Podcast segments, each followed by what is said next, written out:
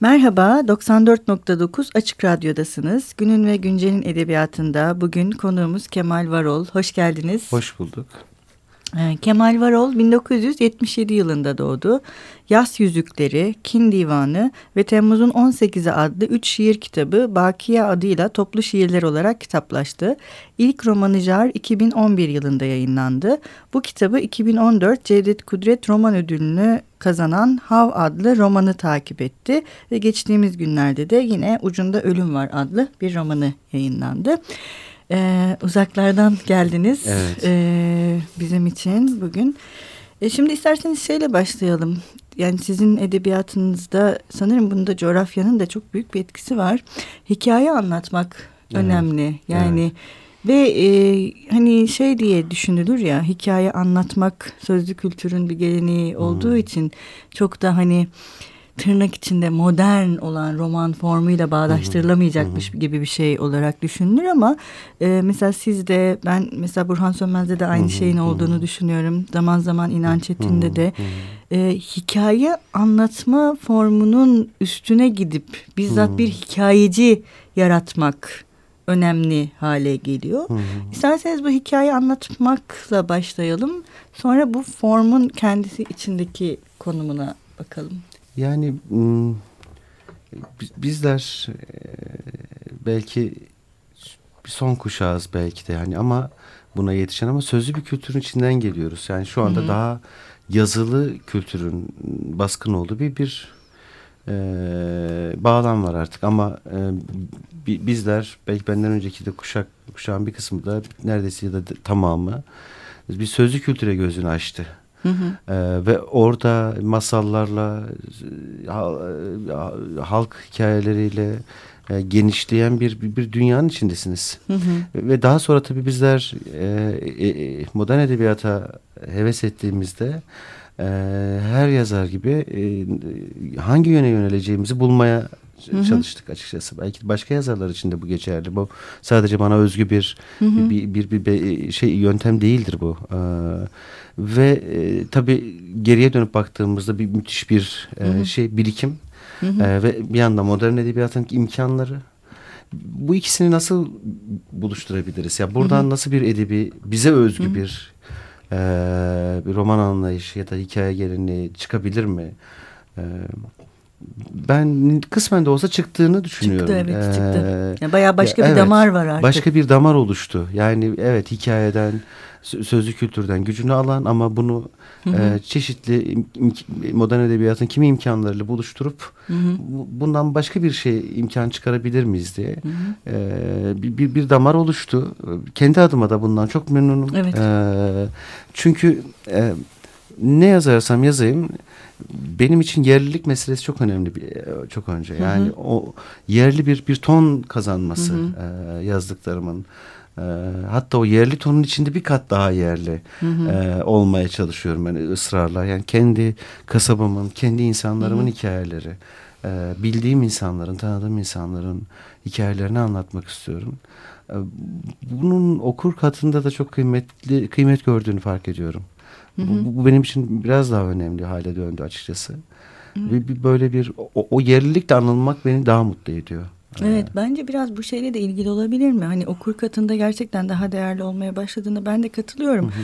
Çünkü okur da artık böyle e, kendisine geçmişin tecrübesiyle bugünü birleştiren bir ses arıyor. Evet. Ve yani neredeyse yaşadığımız yüzyılda bütün dünyada bu hani tecrübe bir tarafa evet, atılmış. Evet. Sadece şimdinin kendisi değerli bir hale getirilmiş evet. ve tüketilmiş ve ne kadar hızlı tüketirsen ona dönük bir şey. Evet. Ama okur böyle bir damarla karşılaştığında ya da işte sizin eserlerinizde olduğu gibi kendisine geçmişin tecrübesini aktaran bir evet. sesle karşılaştığında evet. e, bu daha değerli hale geliyor. O yüzden ben bu e, sizin e, kuşağınızda ve işte öncesindeki bu damarda sesin de önemli bir şey olduğunu evet. düşünüyorum. Çünkü Sadece anlatmanın değil. Sesle evet. dünyayı anlamaya çalışan Hı -hı. bir gelenek bu aslında. Yani e, yani bizde mesela e, ben çocukluğuma döndüğümde e, işte bir insan e, iyi davranışlarıyla, iyi hareketleriyle, kişiliğiyle değil de hı hı. en iyi hikaye anlatan, en hmm. en matrak şekilde anlatan insan kendini dinletebiliyordu. Yani bütün hmm. o hatırladığım çocuk e, şeylerinde dünyamda hafızamda o aile toplantılarında hı hı. geceleri bir sobanın başında işte herkesin kurulduğu misafirliklerde hı. orada e, sesi en iyi kullanan, hmm. onu ayarlayabilen, en en iyi hikayeleri anlatabilen insan kıymetli hale geliyor. Hmm. Ee, evde bir televizyon olmadığını düşünün. Ee, evet. Elektrik çok sık kullanılmıyor, hmm. gidip geliyor hmm. ve orada bir ses var sadece. Evet. Dolayısıyla siz o sesi e, zihninizde tutuyorsunuz. Hı Onun nasıl kıymetli olabileceğini unutmuyorsunuz. Yani hı hı. Ben e, mesela bu özel bir bilgidir. Yani ben romanlarımı yaza, yazdıktan sonra garip bir şekilde belki şiirden gelen bir e, anlayıştır bu. Yöntemdir daha doğrusu. Yani sesli de okurum. E, hı hı. Bir şey, bir ses aksaması var mıdır cümlelerde hı. herhangi bir şey değil. Belki buna gerek yoktur. Yani bir romancının böyle sesle ilgili çok kaygıları yok. Bu şairlerin derdidir daha çok ama. Yok ben mesela şey diye de düşündüm. Ee, şimdi bazı metinleri okurken e, şey olur hani bir gözümüzün önünde bir şeyler canlanır okur olarak. Fakat işte sizin metinlerinizi okurken sanki tam da sizin söylediğiniz gibi hani böyle kulağımızın arkasında birisi evet. bize fısıldayarak bazen sesini yükselterek bir şey anlatıyor. Hı hı. Ve bu mümkün olduğunca tüm metinlerde e, zaman zaman tonu bunun koyulaşıyor. Evet, zaman zaman işte şey oluyor o ses kendini arka plana çekiyor. Diyor ki sana sadece bir görüntü veriyorum. Biraz bununla e, şey yap. Aslında bu da zor bir şey yani çok kolay bir şey değil. Ses ve görüntü arasındaki o evet. ilişkiyi dengeleyebilmek. Ben kendi adıma şey diye düşündüm. Yani farklı anlatıcılar kullanmanız, farklı seslerle metinlerinizi örmenizde. E, yani tabii bunun için daha detaylı bir, bir bakış lazım ama ben de mesela ilk şey uyandırdı. Hani bu üçüncü tekil şahısta kullandığınız anlatıcının kendisini evet. geri çektiği yerlerde daha böyle Hı. aslında görüntünün öne, öne çıktı. çıktığı evet. ama öbür tarafta sesin öne çıktığı evet. ve e, işte bir görüntü bir ses bir görüntü bir ses evet. mesela nefes aldırmak nefes aslında aldı, anlatıcılara evet. yani bütünüyle tek bir bir bir e, kişi üstüne kurduğum zaman Hı -hı. o, onun çok fazla okura da nefes aldırmadığını e, yani farklı anlatıcıların metne farklı dinamikler kattığını. Hı hı. E, bunu ben çok böyle bilerek hı hı. yaptım. itiraf e, e, e, ederim yani ben bunu hı, yapmadım. Güzel. Hani hı hı. bu el yordamıyla yakaladığımız bir şeydir. Çünkü ama şey de haklısınız bu görüntü ve ses meselesinde. Onu galiba hemen hemen bütün romanlarda yapıyorum. Evet, ee, orada da aslında özel bir şey. Dün Mimar Sinan'daki söyleşimizde ben anlatmıştım aslında. Babamın hı hı. E, çok iyi kavalçalar. E, hı hı onun mesela küçükken anlattığı bir hikaye etme hmm. yöntemi var. Ben bir başka insanda rastlamadım buna. Hmm. Yani bir hikaye anlatırdı bize. Bir süre sonra bu hikayeyi şimdi ben kavalla çalacağım derdi. Hmm. Yani o anlattığı hikayeyi bir görsel hale çevirirdi. Yani gözümüzü kapattığımızda biraz önce anlattığı hikayenin o ezgilerde aramaya başlardık. Hı. Galiba o yöntemi çocukluk böyle garip bir şeydir zaten biliyorsunuz. Hı. Yani sonra iler, hayatınızın ileri dönemlerinde onu başka şekilde yeniden yaşarsınız aslında. Galiba bunu yapıyorum ben de. Hani hı Bir, bir, bir yandan ses ama bir yandan o görüntü, onu canlandırma. E, belki de okuru o hikayeye hazırlama, o dünyaya hazırlama, hı. o görsel betimlemelerle, o anlatıcıyla daha doğrusu. Hı hı. Bu aynı zamanda şeyi de sağlıyor ama çok sesliliği de. Evet. Yani ya. tek başına hani farklı evet. anlatıcıların ses ve görüntünün kendi içinde bu mesela hani işte eskiden gelen o tecrübenin aktarılması da evet. mesela haline alınca şeyi de hatırlatıyor bana mesela epik. Tabii, Çok epik tabii. bir şey. Yani çünkü o tecrübe yüklü bir şey. Yüklü, yüklenmiş tabii. bir şey. Yani çok seslilik konusunda da haklısınız. O mesela sözlü kültürün en temel hmm. şeylerinden biri karşılıklı olması. Karşılıklı. Yani hikaye tek başına anlatılmaz hmm. hiçbir zaman. E, muhakkak hikaye anlatıcısının karşısında bir başka hikaye anlatıcısı daha vardır. Hmm. Ve bunlar birbirlerine seslerini duyurmak isterler hmm. ve araya başka hikayeler muhakkak girer. Yani tek bir anlatıcı değildir. Bu belki bu bu formun bugünümüze böyle hissettirmeden başka bir hı hı. daha modern formlarda evet. nasıl sunulur ama dipten dibe e, bu vardır aslında yani hı hı. E, ama o dipten gelen evet. işte şey de oluyor. Hani çok sesli bir hale geldiğinde roman formunda e, mümkün olduğunca katmanlar da yaratıyor. Evet. Yani kendi kendi hmm. özünü de kaybetmiyor. Evet. Yani çok çok evet. hani anlatmaya çalıştığım biraz hmm. da öyle bir şey. Hani sesin kendisini içeride o kadar hapsedebilmesinin sebebi de evet. o gibi geldi bana evet. mesela. Ve evet. bu yeni bir şey. Hani işte o damar diye bahsettiğimiz evet. şey Ee, mesela evet Yaşar Kemal'den daha farklı bir şey yani anlatmak istediğim şey. Evet tabii, tabii. ki Yaşar Kemal de bunun içinde ama hani oradan başka bir şey yaratılabildi. Yani bu kuşak başka bir şey de çıkardı Umarım gibi öyle. geliyor bana. Umarım açıkçası. öyledir. Bu gurur duyarım ayrıca böyle bir, bir eğer böyle bir belirginleşme varsa. Evet evet. evet. Ee, isterseniz ikinci bölüme geçmeden bir ara verelim. Tamam. Biz e, programda kitaplardaki şarkıları, türküleri, hmm. müzikleri çalıyoruz. Sizin eserleriniz de bu açıdan oldukça velut eserler. ee, ne çalalım bugün ne istersiniz? Önce yani havda çok geçiyor. Ee, şey e, Müslüm Gürses'i sevmeyen bir sinemacı amcamız var. Heves amca diye. e, ve e, hakikaten şey sonra üçüncü romanımda da aslında tekrar sahneye çıkıyor Heves amca. Ee, onun romanda bahsettiği bir şarkı var. Müslüm Gürses'in Kadın şarkısı. Heves amca için onu dinleyebiliriz. Pekala.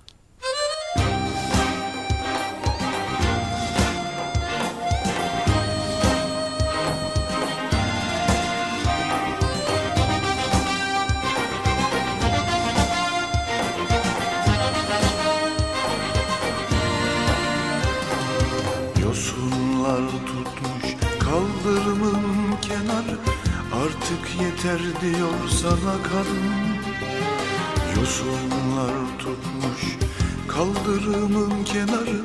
Artık yeter diyor sana kadın.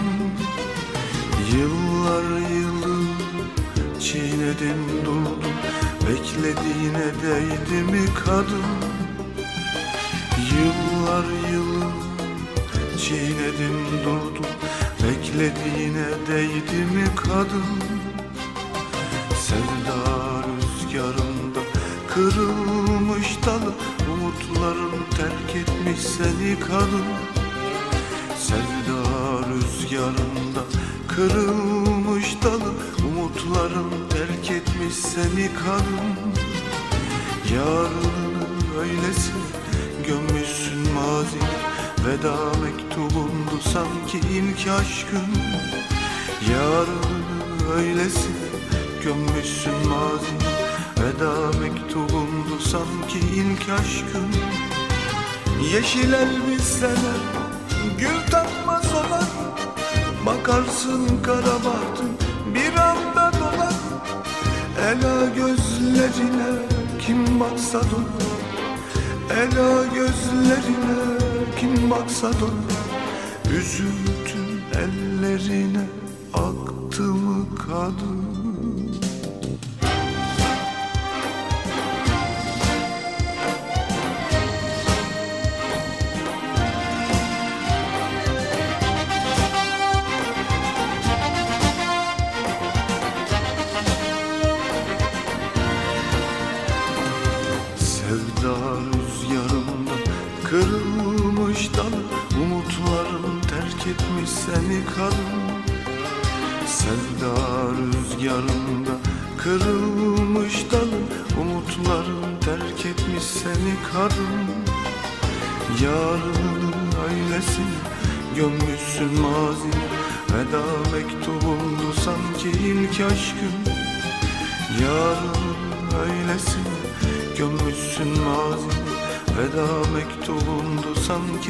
ilk aşkın Yeşil elbiseler Gül takmaz olan. Bakarsın kara bahtın Bir anda dolar. Ela gözlerine kim baksa dolar. Ela gözlerine kim baksa dolar. Üzüntün ellerine aktı mı kadın Merhaba tekrar 94.9 Açık Radyo'dasınız. Günün ve Güncel'in edebiyatında Kemal Varol'la konuşmaya devam ediyoruz. Ee, şimdi bu e, Yaşar Kemal'den devredilen miras ve bu mirasın dönüştürülmeye başlaması önemli. Biraz bunun üzerinde duralım istiyorum ben. Çünkü siz de bu kuşağın hem içindesiniz hı hı. hem tabii sizin kendinizin de birbirinden hı hı. ayrışan e, yönleriniz var. Fakat mesela şey de çok artık gündeme getirilmeye başladı. Hani bu yeni damarla birlikte işte siz de dünkü söyleşte de söylediniz. İşte Gabriel Garcia Marquez evet. Yüzyıllık Yalnızlık Tabii. benim çok sevdiğim bir kitaptır. Tabii. Mesela bunu Burhan Sönmez de söyler evet. biliyorsunuz. Yüzyıllık evet. Yalnızlık e, benim çok sevdiğim bir kitaptır hı hı. diye.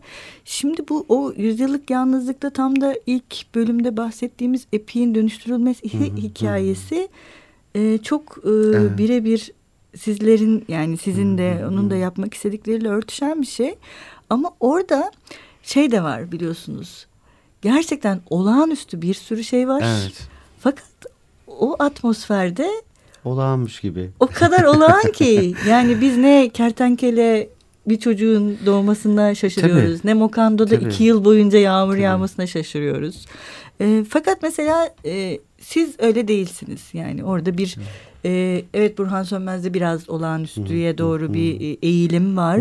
Ama siz aksine o olağanüstüyü hani e, bir tarafa koyup daha böyle çok gerçekçilik de demek istemiyorum ama yani daha başka bir yol sizinkisi. Öyle diyeyim bu damar içerisinde. Ya ben şey eğlen, eğleniyorum mesela ama yani işte okuru zaman zaman şaşırtmak olmayacak şeylerle sahnelerle ama her seferinde onu da bir gerçeklik düzleminden evet. hiçbir zaman kopmadan evet. e, onu bir masalın E, şeyinde tutarken formunda tutarken ama aynı zamanda da o masalın da olmayabileceğini de hatırlatmak zaman hmm. zaman. Ee, bu, bunu seviyorum. Bu, bu isteyerek yaptığım bir şey. Yani bütünüyle e, gerçeküstücü bir, bir yere kaymayı isterdim Hı. ki etkilendiğim gelenek Hı e, tam da buradan Hı e, besleniyordu ve e, ya örneğin benim anneannem arabaların yavrulayabileceğini iddia hmm. düşünüyordu. Yani ben bunu bir öyküsünde yazdım bir, bir dergide gerçekten arabalar yavrulayacak şimdi. Mesela bunu bunu yazmak bile başlı başına gerçeküstücü bir şeye dönüşürdü. Evet. Yani ama e, yani ben yani oradan el alıp ama orada kalmayıp hı hı. E, bu, bu, bu, bu iki şeyi harmanlayabilir miyim acaba? Hı hı. E, Evet yani bir köpeği konuşturabiliyorum ama hı hı. E, bunun aynı zamanda imkansızlığını da hı hı. E, zaman zaman hatırlatarak evet. e, hı hı. sonra geri çekilmek. Hı hı. Yani işte bu tam da söylediğim şey evet dediğiniz epiyi gibi. dönüştürmek evet, ama. Epiyi dönüştürmek. Evet. İşte tam da konuştuğumuz şey evet işte Hav'da bu ikinci romanınızda Hı -hı. her şeyi biz bir köpeğin gözünden okuyoruz. Evet. Bu bize ama olağan geliyor fakat tam evet. da işte şey değil hani hep gerçekliğin bir şekilde evet. e, ne denir e, ayaklarının yere basması gibi. Evet. Biraz umutsuzluk da mı onunla ilgili bir şey? Hani kitapların sonunda evet. e, yani hiç şey olmuyor. Yani hiçbirisinde bir umutla e, bitmiyor. Evet, evet farkındayım. Umut yok evet. hani çünkü gerçeklik o kadar bize çarpan bir şey mi ki böyle? Yani beni yani çok etkilediğine e, kuşkum hmm. yok yani çünkü e, hikayede anlattığım bir coğrafyada hala yaşıyorum ve hmm. hani ben o, o umutsuzluğu her gün hmm. daha fazla hissediyorum. Yani bunları yazarken, romanları yazarken çevrenizde toplumsal meseleler, olaylar en hat safhada yaşanırken ve siz o ara romanınızı yazarken çok umutlu olmanız beklenemez. Hı Belki daha başka bir yerde olsaydım, oraya başka Hı. bir yerden baksaydım, başka bir şehirden baksaydım çok daha umutla bakabilirdim ama Hı. sürekli onun içinde yaşamak, Hı. her gün onun etkilerine maruz kalmak Hı. sizi maalesef çok umutlu kılmıyor ve hani çok istiyorum böyle bütün romanlarımda umut var bir Hı hı. bir metin yazmayı. Hep böyle bir niyette başlıyorum ve sonra bu ülkede yine bir takım kötü şeyler oluyor ve e, bütün hikayelerinde o kötü hikayeler gibi meseleler gibi bitiyor. E, ve anlatı kendisini evet, oraya doğru. Yani çok isterdim mesela Havda özellikle e, romanın sonunda Diyarbakır'a deniz getirmiştim. E, saçma sapan bir şeydi belki bir sahneydi ama anlatmak istediğim şey o saçmalığı, savaşı, yaşananları belki bir deniz metaforu yumuşatırdı. Hı -hı. Bütün Hı -hı. her şeyi bitirirdi diye umut etmiştim. Ee, ama o, o da benim yazdığımla kaldı. evet yazdığımla kaldı her şey. Neyse biz ümit var olmaya İyi, devam umarım, edelim. Umarım, yani, umuyorum o ama. kadar evet. şey olmayalım. Evet. Ee, şimdi bir de bu bütün kitaplarınızdaki bir mekan var. Gerçi son kitabı evet. konuşacağız. Orada sadece Hı-hı. uğruyor oraya Hı-hı. kahraman. Yani sabit olarak orada değil ama. Orada bir teknik sorumluluk oluyor aslında. teknik sorumluluk. Çünkü bütün herkesin ağaççı olduğu bir yerde ağaççı kadına ihtiyaç yok. Yani. Evet. Yani bu mesela Arkadya. Arkanya. Arkanya çok evet. özür dilerim. Arkanya e, yani bu biraz şey gibi mi oldu?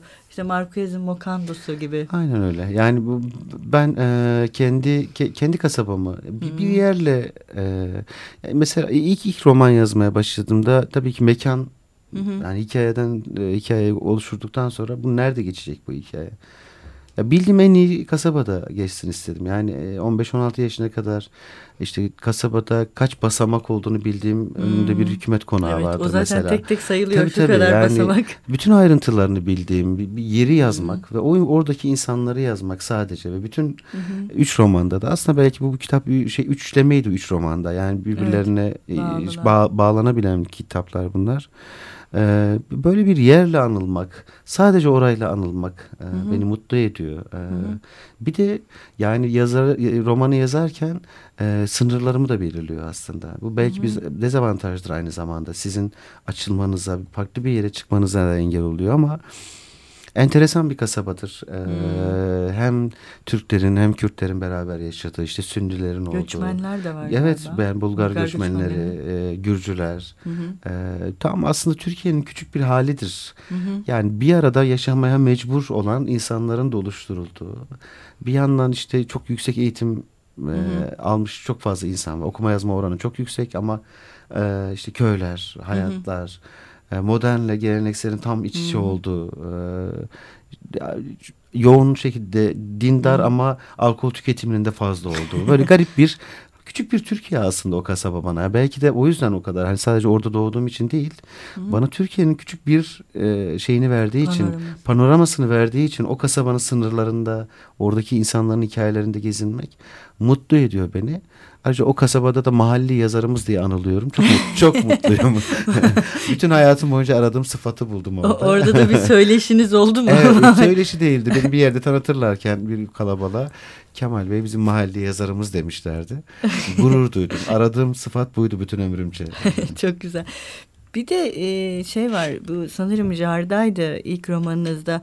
Orada işte hani bu Türkiye panoraması evet. evet var bu kasabada ama hani işte Bulgar göçmenler oraya getiriliyorlar ve evet. şey deniyor hani işte biraz millet medeniyet öğrensin evet. diye bunlar Sonra getirildiler. Sonra kendileri Kürt öğrenmeye başlıyorlar. evet yani şeye oraya uyum sağlamak. Hem de yani kasabalılardan daha fazla uyum sağlamaya yani bu, bu tabii oradaki bu gerçek bir bilgiydi bu. Yani ben e, doğduğum kasabada hatta şu, tanınmış şahsiyetler de var o kasabadan çıkmış e, Aziz Yıldırım gibi. E, hı hı. Bunlar çoğu işte Gürcüler, Bulgar göçmenleri, Cumhuriyet'in e, kuruluşunda işte yerleştirilen insanlar o köylere. Ama o kadar uyum sağladılar ki e, o getirilme niyetlerinden daha farklı yerlere çıkmaya başladı yıllar içinde. Mesela hepsi Kürtçe konuşmaya başladılar. Hı hı. Oysa hani niyet orada hani Türkçenin hı hı. daha fazla o yapının değiştirilebilmesi, dolaşıma, dolaşıma girmesiyken ee, o da e, trajik bir şey. Yani enteresan bir durum. Yani başka bir niyetle getiriliyorsunuz ama sizler kasabalıdan daha kasabalı hale geliyorsunuz. Evet, e, bugün e, programımızın sonuna geldik. Fakat Kemal Varol'la e, programımız e, devam edecek. Haftaya ikinci programımızı gerçekleştireceğiz. Biz e, okurlarımıza, dinleyicilerimize, e, yazarlarımızın okuduğu bir sayfayla veda ediyoruz. Ee, siz bugün neyle veda etmek istersiniz? Ben e, ucunda ölüm vardan bir Son romanınızdan evet. bir sayfayla veda etmek istiyorsunuz. Peki çok teşekkür ederiz. Ben teşekkür ederim. Hoşçakalın. Görüşmek üzere. Yolun bildiklerini çoktan unuttum. Adımı, nereden gelip nereye gittiğimi, yüzümün neye benzediğini, günlerin üzerime nasıl devrildiğini, gecelerin beni nasıl sardığını, ağdını yaktığım ölülerin hikayelerini, Zamanın benden alıp bana kattıklarını çoktan unuttum. Unutuyor insan. Şükür ki sonunda unutuyor. Lakin hiç uyutmadım koynumdaki adını. Geriye bir avuç toprak kaldı elimde. Aslan ağzı asamla sabah akşam durmadan toprağa kazdım. Derine, En derine inmeye çalıştım hep. Çünkü toprağın da bildikleri var heves halim. Toprağın da unuttukları. Rüzgarın, kurdun kuşun, dağın taşın, börtü böceğin, zamanın da bildikleri var. Kim bilecek şimdi benim bildiklerimi? Konuştum. Hep çok konuştum. Dilim damağıma e, kuruyana kadar konuştum. O kadar çok konuştum ki benim sustuklarımı kim duyacak şimdi? Kim konuşacak sözüm üstüne? Onca zaman bir ağda sakladığım içimi kim okuyacak? Sadece bu dünya değil, galiba kıyamet de sana kaldı heves halim. Zaman unuttu seni, geldiğin yol, gittiğin gece bile unuttu. Ben unutmadım. Rast gitti mi her işin benden sonra? Düzdün mü türlü eksiğinle gediğini? Rüzgara tuttun mu bir vakitler bana çözdüğün gömleğini? Tenin kokusu, ekmeğin buğusu nedir bildin mi? Ayrılık insana neler eder sordun mu hiç? Günlerle geceleri bir pervane gibi önüne kattın mı? Kam aldın mı dünyadan? Bir cevap uğruna elli yıl yaşadın mı hiç? Ben yaşadım. İki kelime için katlandım bu dünyaya ben. Ölüyorum. Bu kez sahiden ölüyorum. Gelecek misin yasıma? Boz atlı Hızır gibi son nefesime yetişecek misin? Ucunda ölüm var heves halim. Ucunda elbette ölüm var. Gelmeyeceksen, elini son kez omzuma koymayacak, alnımı öpüp yolculamayacaksan, bağışlanma dilemeyeceksen, adını aldığın Ali hakkına söyle bari. Sahiden sevdin mi beni?''